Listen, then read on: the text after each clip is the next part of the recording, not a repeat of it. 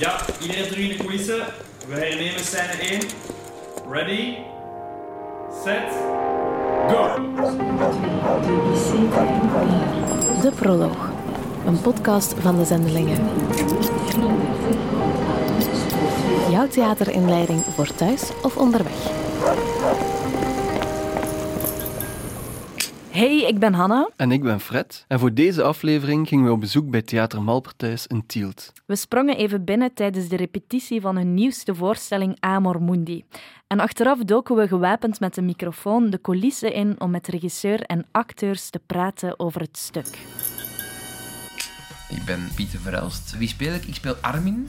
En Armin is het vriendje van uh, Rainer Vasbinder. En Vasbinder is het hoofdpersonage. Ik snap ook niet waarom dat we allemaal naakt moeten zijn. Heb jij gebeld? Ik heb niet gebeld. Ik ben Geert Vaas. Ik ben uh, David Gijzen. In het stuk speel ik um, Vasbinder. En ik speel in het stuk een van de twee Vasbinders. Is dat waar? Nee, dat is niet waar. Ja, dat is of in geval, nee, maar niet zoals dat hij het zegt. En hij moet het klinken als een of ander achterbak zonder onsje. Heb je mij gebeld of heb je mij niet gebeld, Klaus? Natuurlijk heb ik gebeld.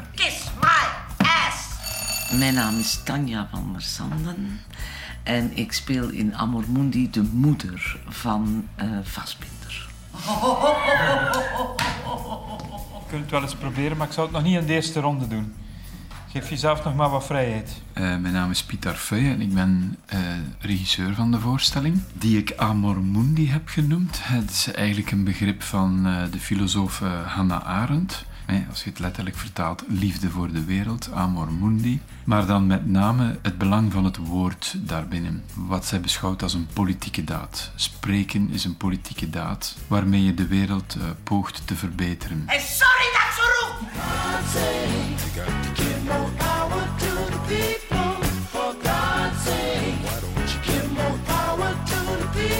Het is begin jaren 70 en op politiek vlak beweegt er heel wat. De Amerikaanse soulgroup Chai Lights brengt het nummer Give More Power to the People uit. Een lied dat je trouwens ook in de voorstelling hoort. Want Amor Mundi mag je beschouwen als een pleidooi voor een volk dat in discussie gaat. Die liefde voor de wereld, waar Hannah Arendt het ooit over had, is volgens regisseur Pieter Feuy pas oprecht als je betrokken kan praten en discussiëren over wat je rondom jou ziet gebeuren. En dat doen ze dus ook uitvoerig op scène. Ja, waar gaat het over? Ja, het gaat over, over um, het hoofdpersonage, Rainer, die, die heel veel grote thema's in vraag stelt. Een autoritaire leider, is dat iets goed? Is dat niet goed? Uh, moogde uw eigen mening nog zeggen? Is dat goed? Wat zijn de gevolgen daarvan om zoiets te doen? Democratie, werkt dat systeem wel? Terroristen. Terroristen worden altijd gezien als iets heel slecht. Maar laten we toch eens een keer van een andere kant bekijken. Misschien hebben die ook wel een verhaal te vertellen. Begin jaren 70 is ook de periode waarin de leden van het extreem linkse RAF het naoorlogse West-Duitsland op stel te zetten. Ze doen dat vanuit een frustratie omdat oud-nazi's nog steeds hoge politieke functies bekleden. En tegelijkertijd walgen ze van het westerse kapitalisme.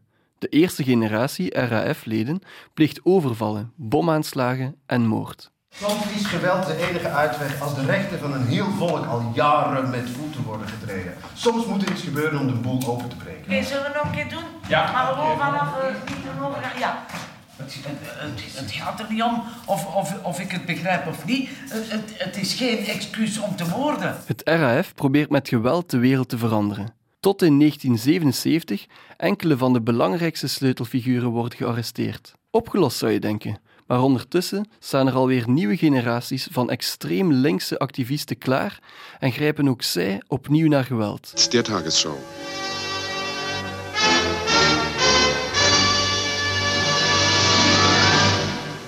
Beim Sturm auf die Maschine in Mogadischu durch eine deutsche Spezialeinheit wurden drei Terroristen getötet und eine Luftpiratin angeschossen. Fast alle Passagiere und Besatzungsmitglieder blieben unverletzt. Noch in derselben Nacht haben sich in Stammheim die führenden deutschen Terroristen Bader, Raspe und Enslin das Leben genommen. Op 13 oktober 1977 kapen ze een Duits vliegtuig dat onderweg is van Mallorca naar Duitsland. Ze gijzelen de passagiers en eisen een vrijlating van hun vijf RAF-helden. TV-kijk in Duitsland hangt aan zijn toestel gekluisterd en volgt koortsachtig het journaal. Het vliegtuig zwerft dagenlang rond tot het in de nacht van 17 op 18 oktober landt in Mogadishu. En daar wordt het bestormd door de Duitse antiterreureenheid. En wie ook aan zijn toestel ging gekluisterd was de Duitse cineast Rainer Werner Fassbinder, het hoofdpersonage van Amor Mundi. Die nacht is de reden geweest voor Rainer Werner Fassbinder om als kunstenaar zich te verhouden tot al die historische feiten. Daar is een film van gekomen, Duitsland im Herbst, waar uh, Fassbinder het eerste half uur voor geleverd heeft. En dat is eigenlijk een uh, discussie, dialoog die hij voert met zijn moeder naar aanleiding van die, van die historische gebeurtenissen over de fundamenten van democratie. En dat is eigenlijk de pit van het stuk.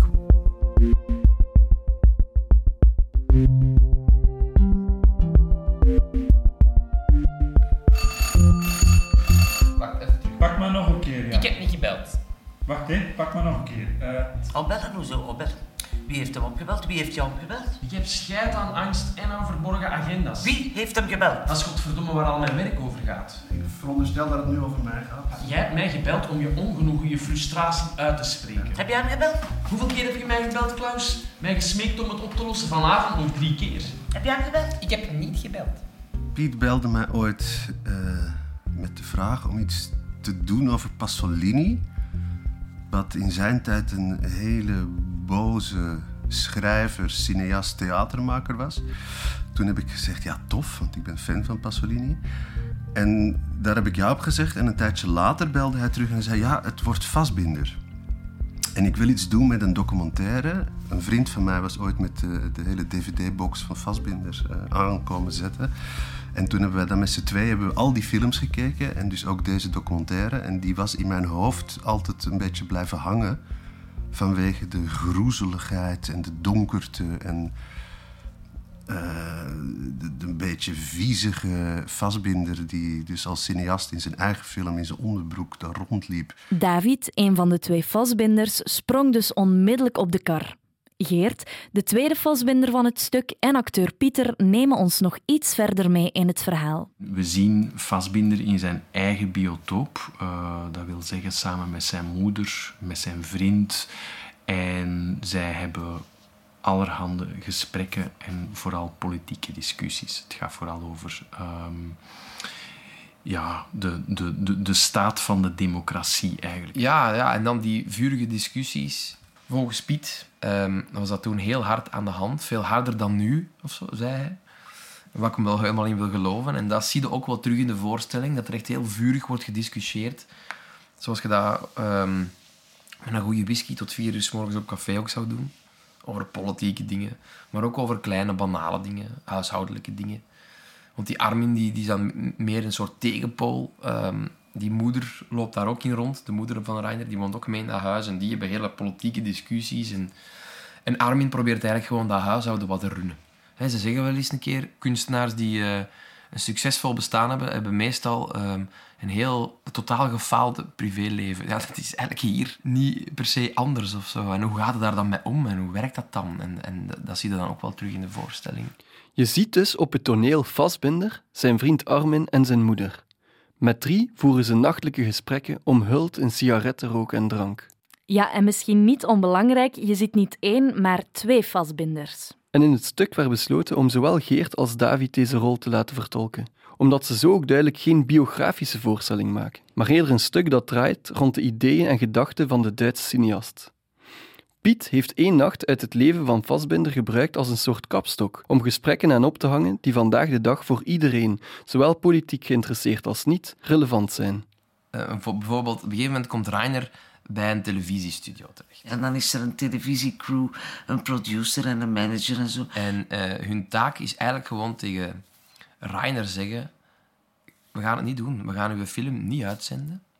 En die gaan er vervolgens tien minuten lang alles aan doen om dat te zeggen, maar niet met die woorden. Uh, in plaats van gewoon te zeggen: nee, uh, nee, meneer, dat gaat niet door. Ja, maar ja, het rond de pot draaien, dat is dan herkenbaar, daardoor kun je daarmee lachen. Ik zou zeggen dat het. Uh dat, dat, dat de politieke uh, discussies, om ze zo te noemen, in een verhaalbedding liggen. Dat mensen niet moeten afgeschrikt zijn van hoe het gaat moeilijk zijn, of het gaat serieus zijn, of het gaat intellectueel zijn. Er zit voor eerst heel veel humor in. En naast alle gesprekken die gevoerd worden, kijk je ook gewoon naar naar een sfeerbeeld van een nacht in de jaren zeventig, van een man met zijn lief en zijn moeder op bezoek.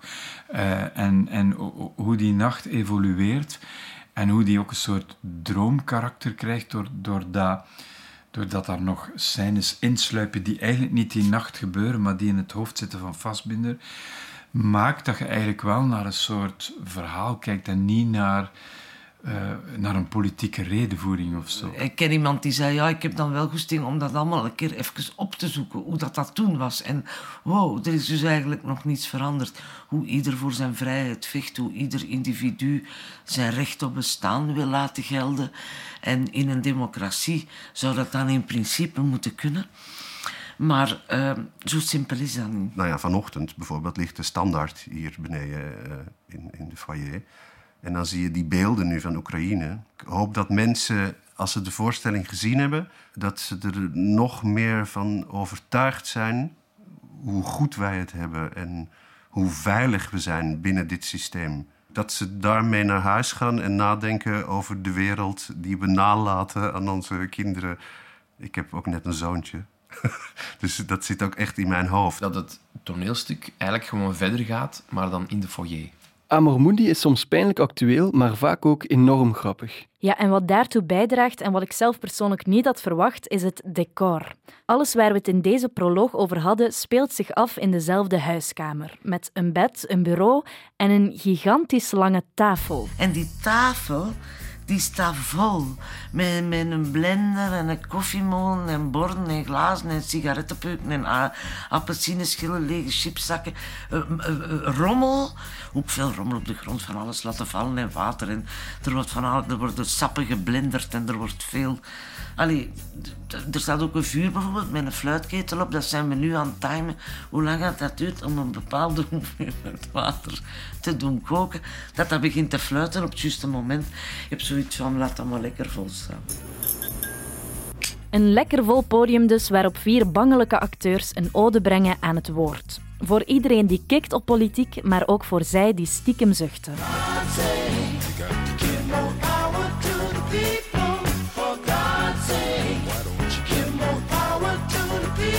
Dit was een podcast van de Zendelingen, in samenwerking met Theater Malperthuis. Montage en interview door mijzelf, Fred Libert en Hanna Leijsens. Geniet van Amor Mundi. Je luisterde naar De Proloog, een podcast van de Zendelingen.